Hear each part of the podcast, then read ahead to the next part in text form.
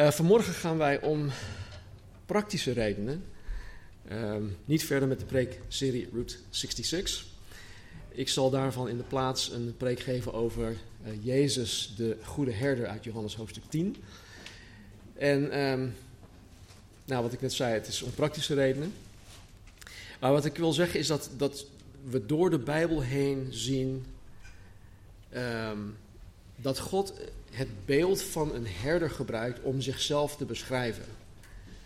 En dat zien we in het Oude Testament, we zien het in de psalmen, in de profeten en vooral nu ook in, in, de, in het Nieuwe Testament.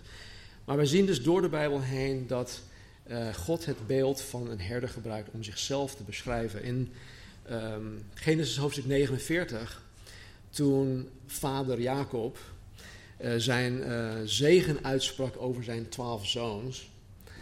Um, eigenlijk ook twee klein, kleinzoons, maar goed, dat doet er niet toe. Sprak hij in vers 24 tegen Jozef, wel zijn zoon, en noemde hij de machtige God van Jacob de herder van Israël. dus Jacob spreekt zijn zegen uit en in zijn zegen aan, uh, aan Jozef zegt hij dat de machtige God van Jacob de herder van Israël is. En in uh, Psalm 23 waarschijnlijk de meest bekende psalm ooit, schrijft David, die zelf ook een herder was, de Heere, allemaal in hoofdletters, Yahweh, de Heere, is mijn herder. De Heere is mijn herder. En zo ook nog in andere psalmen en in de profeten wordt Yahweh, die de enige echte God van de Bijbel is, eh, afgebeeld als een herder. En waar wij vanmorgen naar gaan kijken is, is een van de zeven um, ik ben verklaringen die, um, uh, van Jezus, waarin hij zichzelf gelijkstelt aan God. Mensen zeggen vaak, ja maar waarom heeft Jezus gewoon nooit gezegd dat hij God is? Uh, waar staat dat nou in de Bijbel? Hij heeft het wel gezegd. Alleen moet je weten waar dat te vinden is. Dus hij stelt zich in deze ik ben verklaringen gelijk aan God. Hij verklaart daarmee tegelijk zijn godheid met een hoofdletter G. En we zien in Johannes, um, vanaf Johannes hoofdstuk 8, dat, dat Jezus op een gegeven moment, en ik denk dat hij dat uh, bewust heeft gedaan, uh, dat hij dingen heeft gedaan waardoor hij in hevige discussies raakte met de fariseeën. En de fariseeën waren dan de, de religieuze leiders van zijn dag.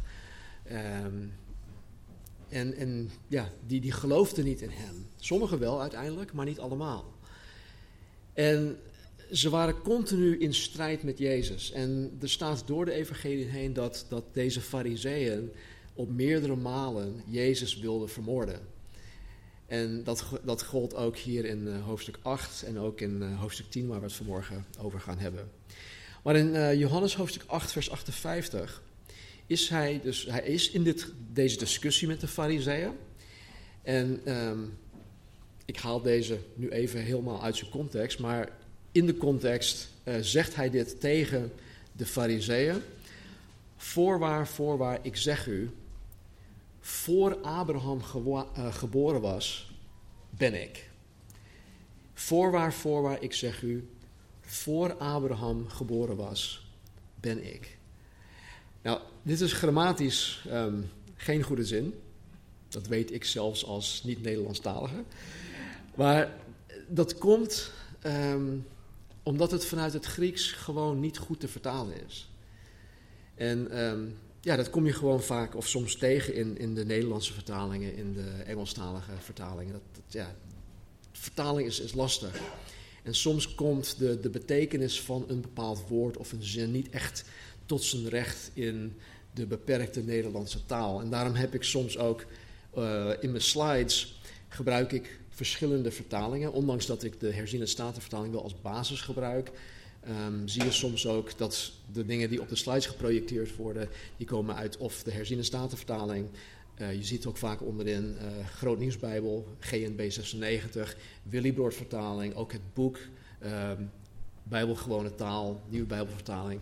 En ik, ik doe dat bewust uh, omdat sommige vertalingen het gewoon iets beter um, uitdrukken. zonder dat ik daar heel veel uitleg over hoef te geven.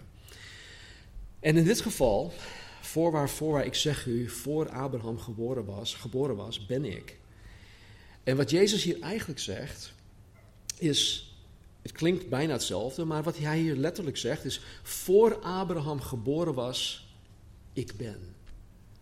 Voor Abraham geboren was, ik ben. En dit maakt het grammatisch ook niet correct, maar het heeft wel een, veel zwaardere lading dan zoals het in de herziene statenvertaling wordt met voor Abraham geboren was, ben ik. Dus het staat letterlijk in de grondtekst als volgt.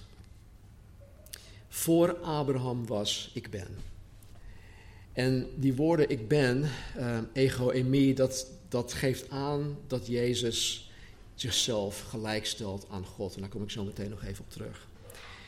En de reden waarom ik dit aanhaal, dit, ja, dit eigenlijk, is, is omdat God zichzelf, God de Vader, in het Oude Testament, en met, met deze woorden, hij, hij maakt zichzelf aan Mozes bekend met dezelfde woorden.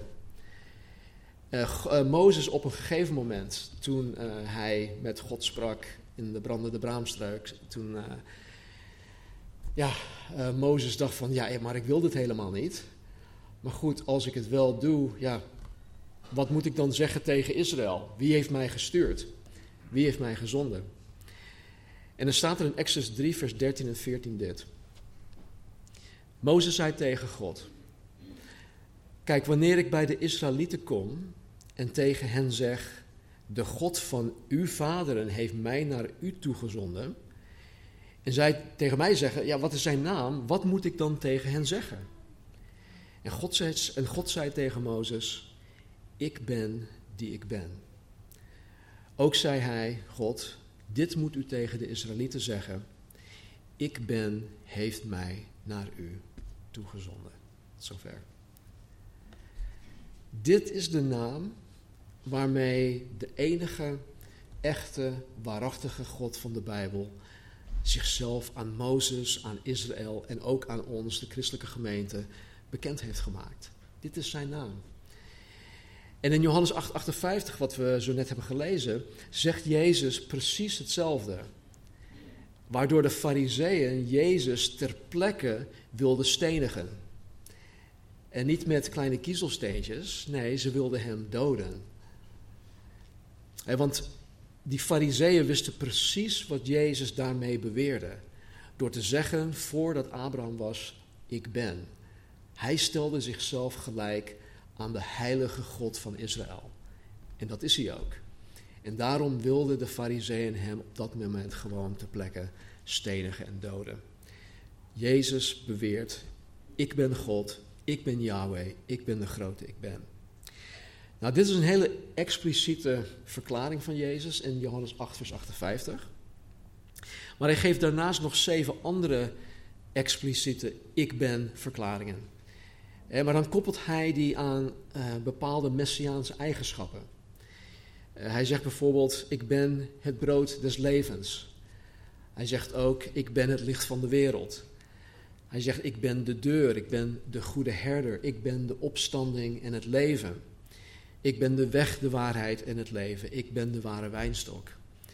En het is goed als jullie daar een keer gewoon naar op zoek gaan in het Johannes-evangelie waar die staan en onderstreep ze. Want het is, goed. Dit zijn de verklaringen van Jezus over zichzelf. En dan legt hij ook uit wat dat betekent, wat dat voor ons betekent. En waar wij vanmorgen naar gaan kijken is, uh, ik ben de goede herder. Nou, het is geen, geen een van ons ontgaan dat wij in onrustige en onzekere tijden leven. En het is vooral in, in deze tijden dat wij houvast nodig hebben.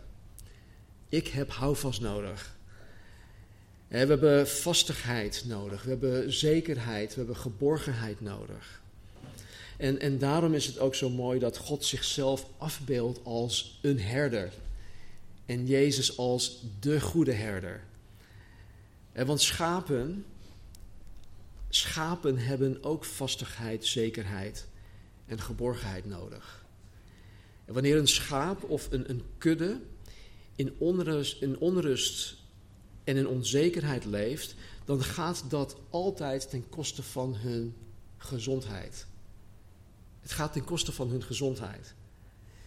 En het is zelfs zo dat schapen in die omstandigheden geen lammeren verwekken. Wanneer een kudde schapen zich bevindt in onrustige ja, ehm, tijden, dan verwekken ze geen lammeren. En, en, ja, dat, en dat is triest, zo hoort dat niet. En ik denk dat dat ook bij ons geldt. Als wij ons niet ehm, zeker voelen in het leven, in ons christen zijn. Als wij niet die rust die God ons wil geven, ja, dan, dan gaan wij ook geen lammeren verwekken.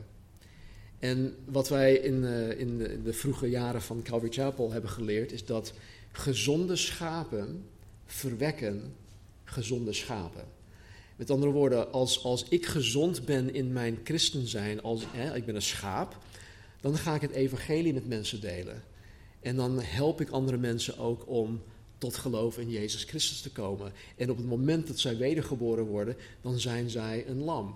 want dan zijn zij pas geboren.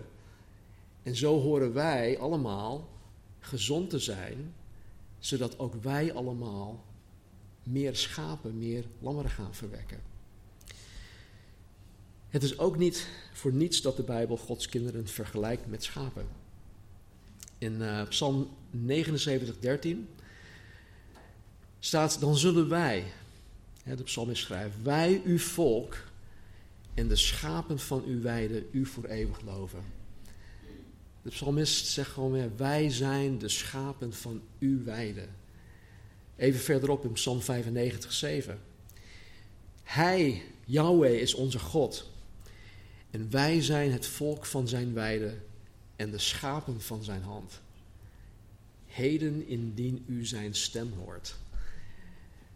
Jezus zegt ook op een gegeven moment in het Johannes-evangelie dat um, zijn schapen zijn stem horen. En als je geen, als je geen schaap bent, dan kan je doen wat je wil, maar je zal zijn stem niet onderscheiden. Je zal zijn stem niet horen. Maar zijn schapen horen zijn, horen zijn stem wel. En hier staat dus: Wij zijn de schapen van zijn hand, heden indien u zijn stem hoort. Nou, even een vraagje. Uh, hoe vinden jullie het trouwens om vergeleken te worden met een schaap? Waarom een schaap? En stel je voor dat Gods kinderen vergeleken worden met een ander dier. Uh, bijvoorbeeld een slang. Of een varken. of een paling. of, een of een bunzing.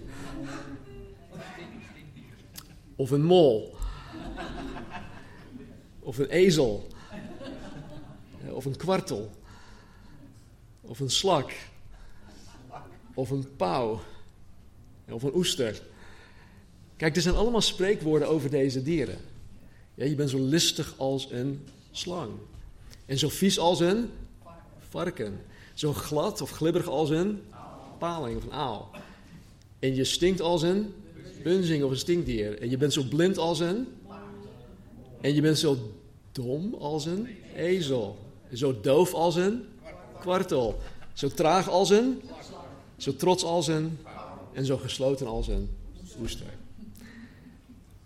Maar over de schapen zegt God: Je bent zo mak als, of wij zeggen wij dan, je bent zo mak als een schaap. Als een lammetje, als een schaap. En kijk, misschien hebben sommigen van ons wel sommige van die andere karaktereigenschappen. Maar het is niet Gods bedoeling dat wij zijn zoals die andere dieren. Wij horen te zijn als een mak schaap. En wij hebben eigenlijk ook heel veel weg van schapen. Want zoals schapen hebben ook wij een herder nodig. En zoals schapen kunnen ook wij gehoed en gevoed en gewijd worden. Jezus geeft Petrus zelfs die opdracht in Johannes hoofdstuk 21. Heb je mij lief? Doe dit dan. hoed, voed en wijd mijn schapen en mijn lammeren. En daarom is het voor het kind van God zo geruststellend dat wij niet slechts zomaar een herder hebben die voor ons zorgt, een, een, een feilbare herder, maar wij hebben de goede herder. De ik ben zelf als herder. En vanmorgen vieren wij het heilige avondmaal. En wij doen dat ten eerste omdat Jezus het ons opdraagt. Zo simpel is dat. En wij doen het ook omdat het ons van, van binnenin verandert. Het maakt ons een beter mens wanneer wij stilstaan bij het volmaakt werk van Jezus Christus aan het kruis. Wat Hij voor ons gedaan heeft. En als je je hart ervoor openstelt en de betekenis van de elementen je eigen maakt, dan zal je Jezus opnieuw gaan zien.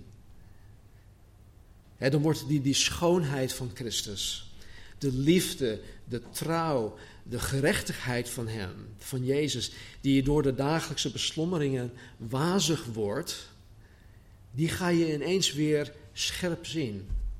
Alles wordt ineens weer scherp gezet. Niet voor niets zegt Jezus, doe dit dikwijls, doe dit vaak.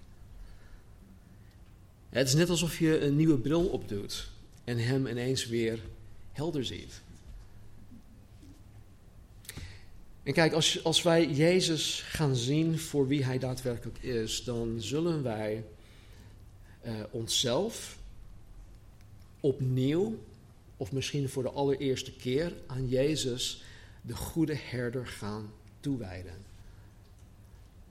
En want, eh, als je er echt over nadenkt, dan kan dat gewoon niet anders. Als je een weldenkend mens bent, dan kan dat niet anders. Want als je een schaap bent, dan wil je jezelf alleen maar aan die goede herder overgeven. Zo zie ik dat in ieder geval. En Jezus, de goede herder, is vanmorgen hier in ons midden. Hij is hier. Hij heeft het beloofd.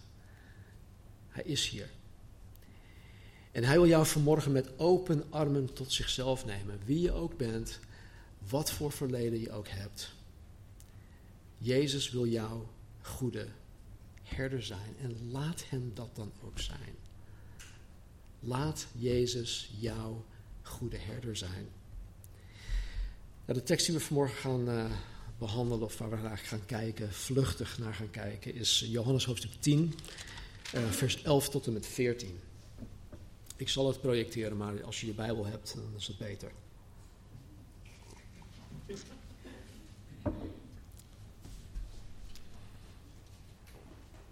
Johannes hoofdstuk 10 vanaf vers 11.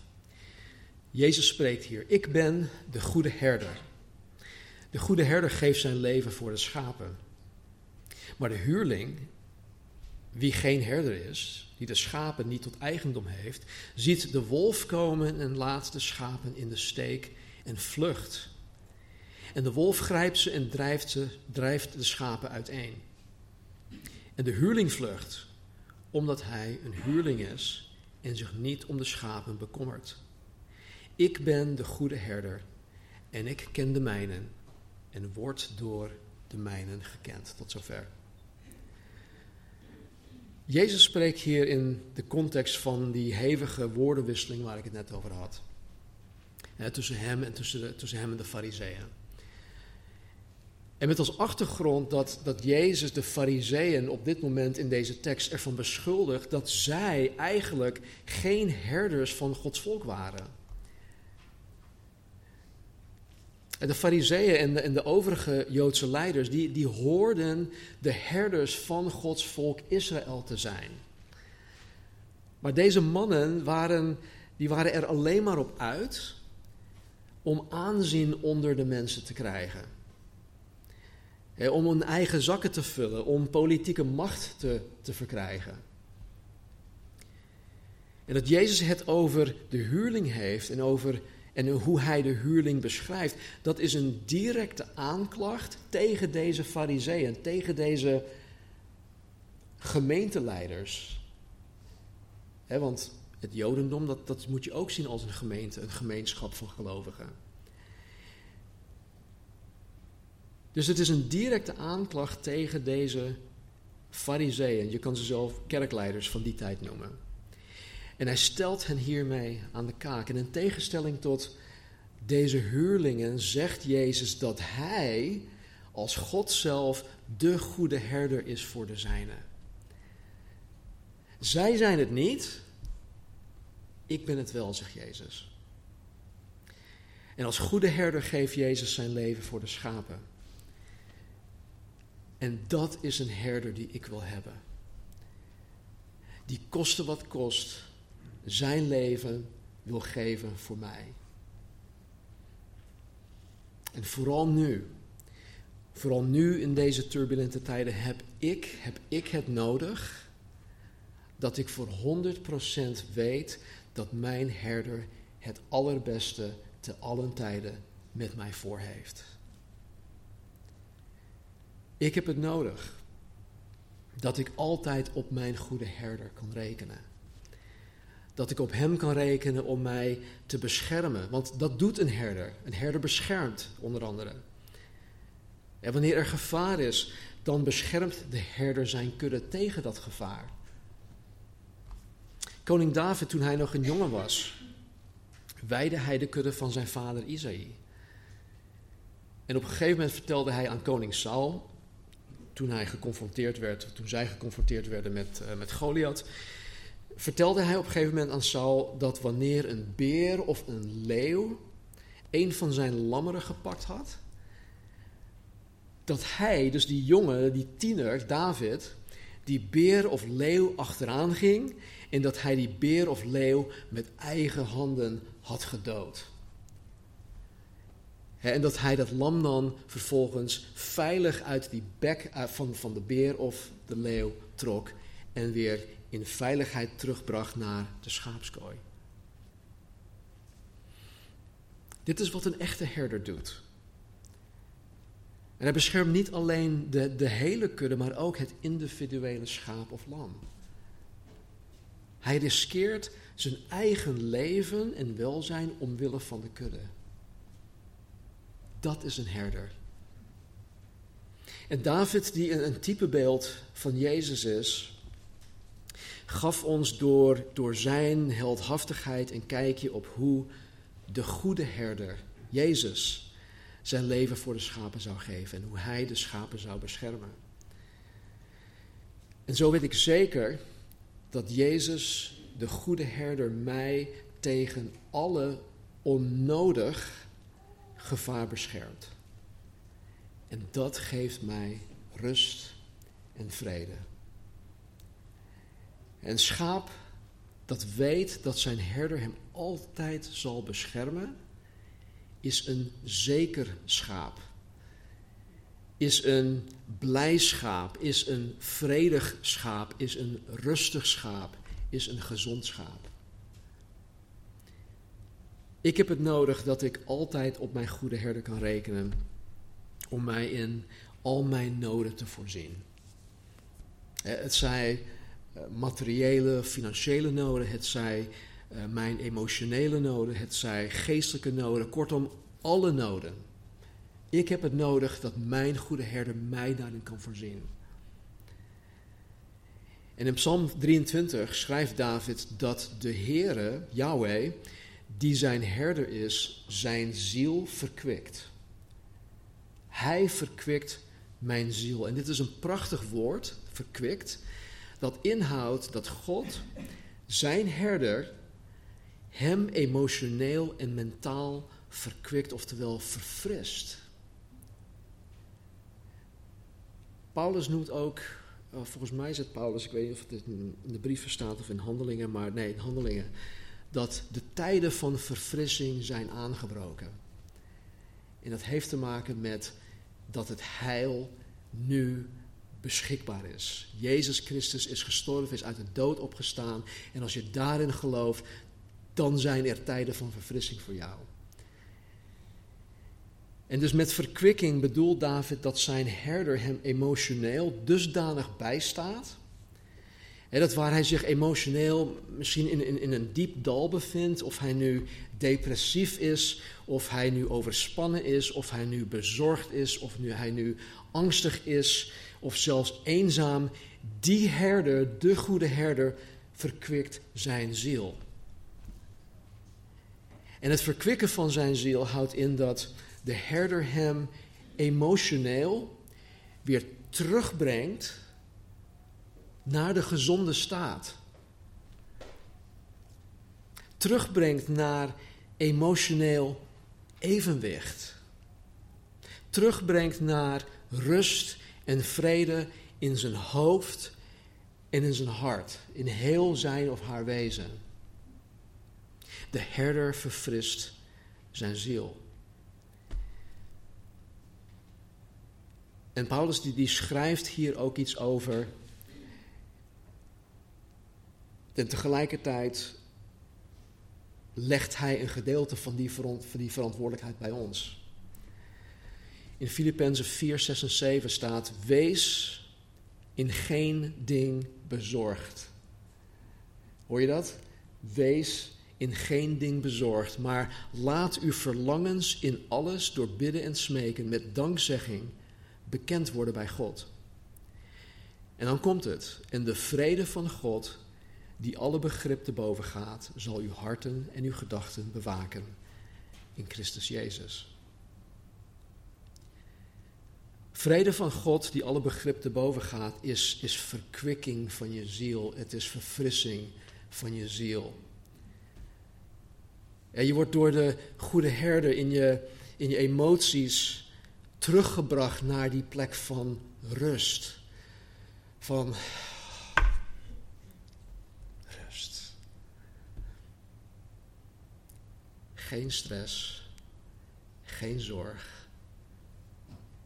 rust, vrede. En man, ik, ik heb dat vandaag de dag zo hard nodig met alle onrust om me heen, met alle onzekerheid om me heen, heb ik zijn rust zo hard nodig. En mijn goede herder zorgt daarvoor. In uh, Matthäus hoofdstuk 6 spreekt Jezus over de bezorgdheid van het leven. Vooral waar het gaat om materiële dingen hè, die wij nodig hebben. Vandaag de dag zouden wij het kunnen vertalen in: Ik heb geen werk. Ehm, ik ben mijn baan kwijt. Hoe kan ik voorzien in dit en, en dat? Hoe, hoe, kan ik mijn rekening betalen? Hoe kan ik mijn huur betalen? Het UWV laat het afweten. Dus hij, hij spreekt over de bezorgdheid van het leven. Om de, de dingen die wij nodig hebben. En tot drie keer toe, in een heel kort stukje van tien versen lang, tot drie keer toe zegt Jezus: Wees niet bezorgd. Wees niet bezorgd.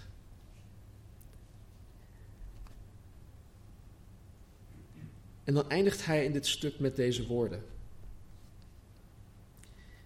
Maar zoek eerst het koninkrijk van God en zijn gerechtigheid. En al deze dingen, dus alles dat je nodig hebt, zullen u erbij gegeven worden.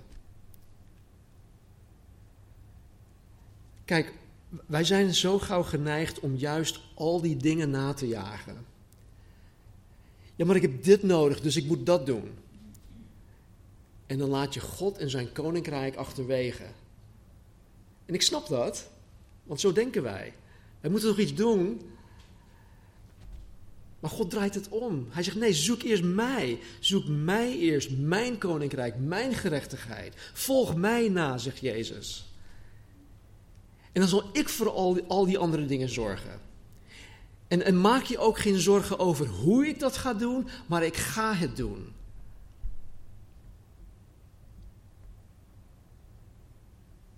De goede herder zorgt gewoon voor de materiële noden die zijn schapen hebben. En ik, ik weet van sommigen van jullie, jullie weten dit al, hè, vanuit eigen ervaring. Sommigen van jullie zijn dit nu aan het ontdekken. Uh, mevrouw Marnie en ik, die die hebben dit nu al bijna 29 jaar dat wij hier zitten, dag aan dag meegemaakt. Dat Hij voor ons zorgt. Eind december, 29 jaar geleden, kwamen Marnie en ik met onze vier dochters hier naartoe. Vanuit uh, Zuid-Californië. En we kwamen hier naartoe als zendingsgezin om hier in Nederland Calvary Chapel te planten, te starten, te stichten. En onze oudste dochter was toen elf, die was gewoon jarenlang boos op ons dat wij haar uit Californië hebben weggenomen. Ik denk dat ze nog steeds boos is. Nee hoor. Onze jongste dochter was drie maanden oud. En wij hadden, ja, dat kon, dat kon toen allemaal nog niet, maar we hadden vooraf dus geen woonruimte kunnen regelen. We hadden ook geen, ik had ook geen baan kunnen regelen hier. Ik, ik sprak geen Nederlands, dus dat, dat kon gewoon niet. We hadden destijds ook geen financiële ondersteuning vanuit de VS. En we brachten duizend dollar met ons mee. Het enige wat we hadden was duizend dollar in cash. En dat, dat, destijds was dat iets van 2300 gulden of zo. Nou, dat was binnen no time was dat gewoon op. En hebben wij het altijd makkelijk gehad? Nee. We, hebben zelfs momenten gehad dat we gewoon niet wisten waar de volgende schone luier vandaan moest komen. Was het soms erg spannend? en maakten wij ons soms zorgen? Ja, absoluut. En maar ik geef dit aan omdat wij nu na bijna 29 jaar nog steeds hier in Nederland zitten. We hebben een eigen woning, althans de bank heeft onze woning, maar we mogen daar wonen. Weet je, ik heb, ik heb schoenen, ik heb kleding, ik heb alles dat ik nodig heb. En ik ben ook zuinig op mijn spullen, want het zijn zijn spullen. Dit zijn Gods schoenen. Ik heb ze al tien jaar lang. Ik ben er zuinig op. En maar ik zeg het dus dat, uh, dat mijn goede herder, die heeft tot op de dag van vandaag in al onze noden voorzien. Ik heb zelfs dingen die ik misschien niet eens nodig heb, maar die ik graag wil hebben. En dat is gewoon genade op genade. Heb ik een iPad nodig? Nee, ik kan ook met zo'n goedkoop Windows-ding.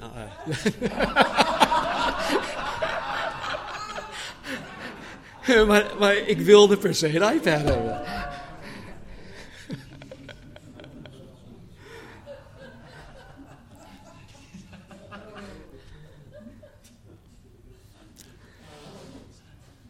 En kijk, als, als, als een onzeker schaap heb ik het nodig dat ik de zekerheid heb dat mijn goede herder voor mij en voor mijn gezin zorgt. En hij heeft zichzelf boven verwachting, boven wat wij verdienen, boven wat ik verdien, keer op keer bewezen. Zijn woord is waar, zijn woord is waarheid. Wij kunnen erop staan. De goede herder geeft zijn leven voor de schapen, zegt hij. En dit is precies wat Jezus voor ons gedaan heeft.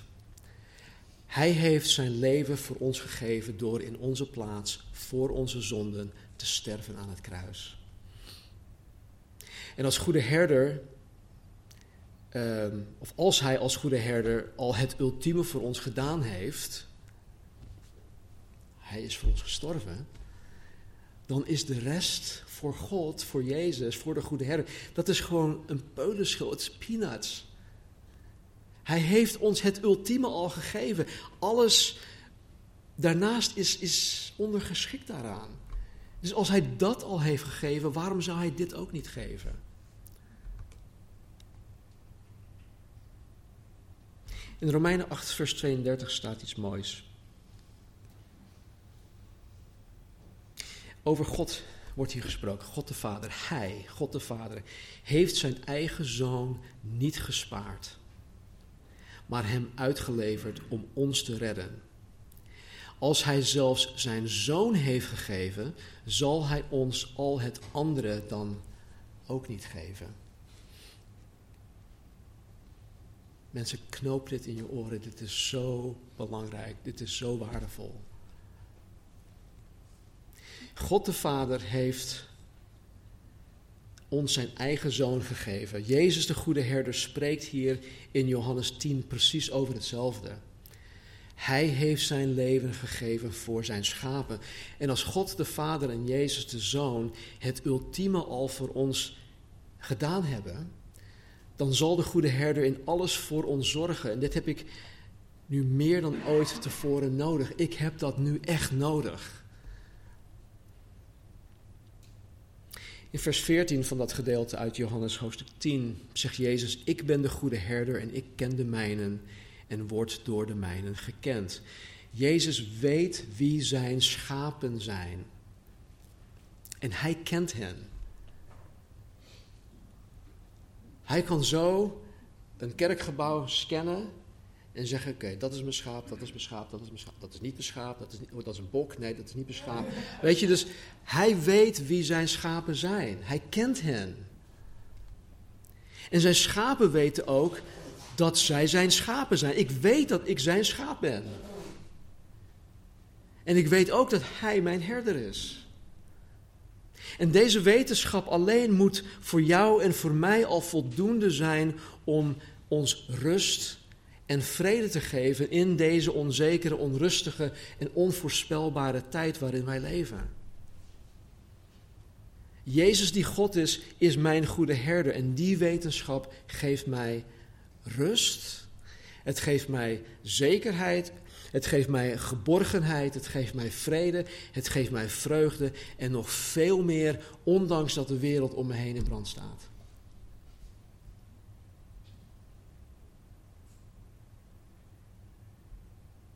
Psalm 23, laten we daar samen doorheen gaan. De Heere is mijn herder, mij ontbreekt niets. In het Hebreeuws betekent het woord niets, niets. Het is gewoon, eh, mij ontbreekt niets. Hij doet mij neerliggen in grazige weiden. Hij leidt mij zachtjes naar stille wateren. Hij verkwikt mijn ziel. Hij leidt mij in het spoor van de gerechtigheid omwille van zijn naam. Al ging ik ook door een dal vol schaduw van de dood, ik zou geen kwaad vrezen want u bent met mij. Uw stok en uw staf, die vertroosten mij. U maakt voor mij de tafel gereed voor de ogen van mijn tegenstanders.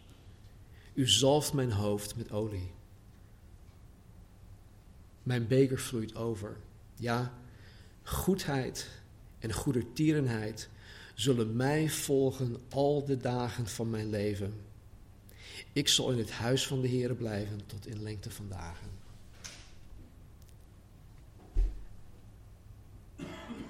Jezus Christus, de God van de Bijbel, zei: Ik ben die goede herder. Ik ben die goede herder van Psalm 23. En hij heeft zijn leven voor jou en voor mij gegeven aan het kruis. En als Jezus jouw goede herder is, dan, dan zit je goed. Als Jezus niet jouw goede herder is, dan ben je, zoals de Bijbel het ook beschrijft, een schaap zonder herder. Dan dooi je rond zonder bescherming, zonder hoop, zonder zekerheid en geborgenheid. Dan heb je ook geen, geen richting in jouw leven. En vooral wat betreft de eeuwigheid, het hiernamaals. En daarom heeft de goede herder zijn leven gegeven, zodat jij uiteindelijk wel richting zal hebben. Want in een andere ik ben verklaring van Jezus zegt hij, ik ben de weg, de waarheid en het leven. Niemand komt tot God de Vader dan door mij alleen.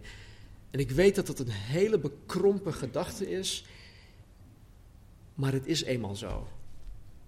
Er is maar één weg naar de heerlijkheid in de eeuwigheid. En Jezus is die weg. Hij is de enige die in staat is om jou te redden van de zonde en de dood. En zelfs van de eeuwige dood, wat hierna komt nadat je je laatste adem hier op aarde uitblaast. Wat Jezus zelf de hel noemde. En niemand, niemand hoeft daar te belanden. Je moet letterlijk, als het, als het ware, over het lichaam van Jezus heen stappen om daar terecht te komen. En als je gewoon even goed nadenkt, dan is het toch een, een no-brainer om, om Jezus ook jouw goede herder te laten zijn.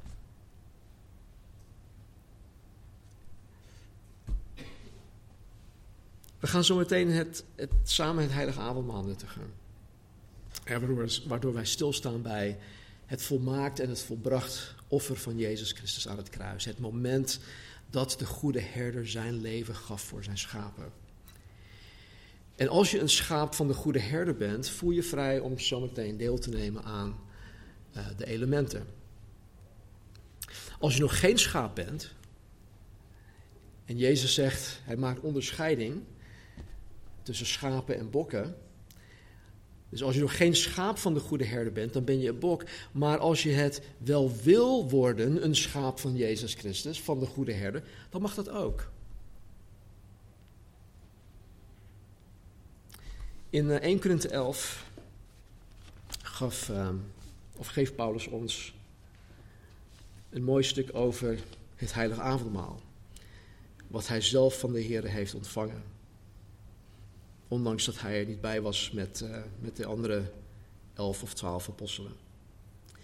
En hij zegt in 1 Korinthe 11 vanaf vers 23 tot met 29 dit. Hij zegt, ik heb van de Heer ontvangen wat ik u ook heb overgeleverd.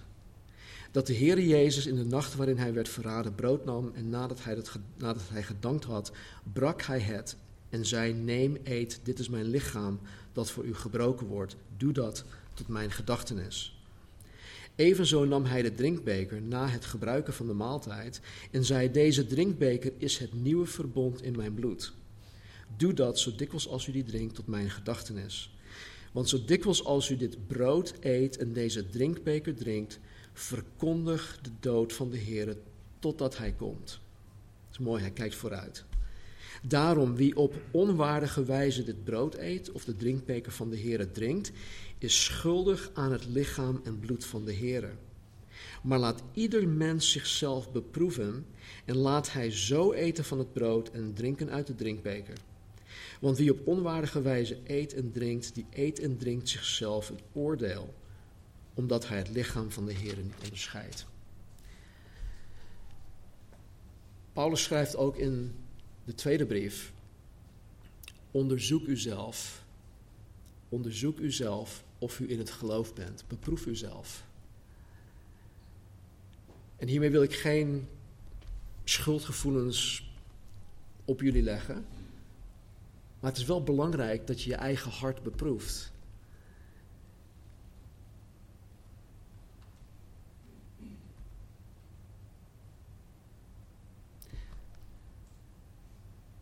André en het uh, muziekteam die gaat ons uh, zometeen voor in het zingen van een aantal liederen. En ik zou zeggen, neem alsjeblieft gewoon vanuit je eigen stoel tijd om uh, in stil gebed met God te praten. Als je het nooit eerder hebt gedaan, now is your day. Nu is het moment. Beleid je zonde tot God. Je hoeft je zonde niet bij mij te beleiden. Ik wil het niet eens horen wat je allemaal gedaan hebt.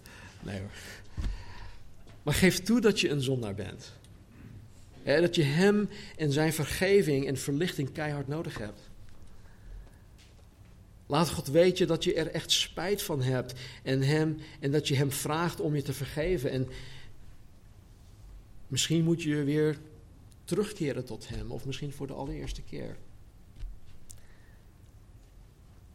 Het tast je in het duister. Weet je de weg naar de waarheid niet te vinden? Ken je Jezus niet persoonlijk? Geef je leven dan over aan Hem die als enige bij machten is om, om jouw verblinde ogen te openen. Want Hij wil jouw goede herder zijn. Hij wil het. Je hoeft hem niet daarvan te overtuigen. Het enige dat in de weg staat is jouw keus. En op het moment dat je in alle oprechtheid die keuze maakt, zal het ongeloof moeten wijken. Het ongeloof wijkt. En natuurlijk zal je blijven groeien in geloof, maar op het moment dat je die keus maakt, zal dat ongeloof wijken. Dus kom tot Jezus, kom tot de goede herder, maak die keus om Hem te willen volgen, om Zijn schaap te worden. Weet je, misschien zit je nog steeds te wachten op een brief uit de hemel. Misschien zit je nog steeds te wachten op een bevestiging of een of andere overtuiging die je denkt nodig te hebben. Maar als je daarop zit te wachten, dan kom je bedrogen uit. Ik garandeer je het. Want dat is eigenlijk hetzelfde als, als het eerst willen zien en dan pas geloven. Dat is geen geloof. En vele mensen die Jezus Christus nog niet kennen, die zeggen tegen mij: ja, ja, maar ik wil het eerst zien. Laat het mij maar zien en dan pas kan ik geloven. En als je op die overtuiging of op die bevestiging zit te wachten, dat is precies hetzelfde. Maar de Bijbel leert ons dat ehm, de, God ons oproept om eerst te geloven en dan pas zullen wij zien. Toen apostel Paulus tot geloof kwam, vielen er letterlijk schellen van zijn ogen. want hij werd ook voor drie dagen lang door de Heer verblind. Dat is een ander verhaal. Maar dat geeft ook aan dat wij die niet in Christus geloven ook blind zijn voor de waarheid. Maar op het moment dat je die keus maakt, oké Heer, ik, ik weet niet precies hoe, maar ik doe het. Ik wil die keus nu maken. Boom, je ogen gaan open. En je gaat het zien. Dus door deel te nemen aan het heilige avondmaal zeg je dat je het ermee eens bent wat de Bijbel ons leert over Jezus Christus en wat de Bijbel ons leert over de mens. En de staat waarin de mens verkeert zonder Jezus en met Jezus. En je zegt er ook mee dat je bij Jezus hoort en dat je Hem koste wat kost met heel je hart wil navolgen en gehoorzamen. Het is voor een ieder die gelooft dat Jezus Christus de enige echte God is.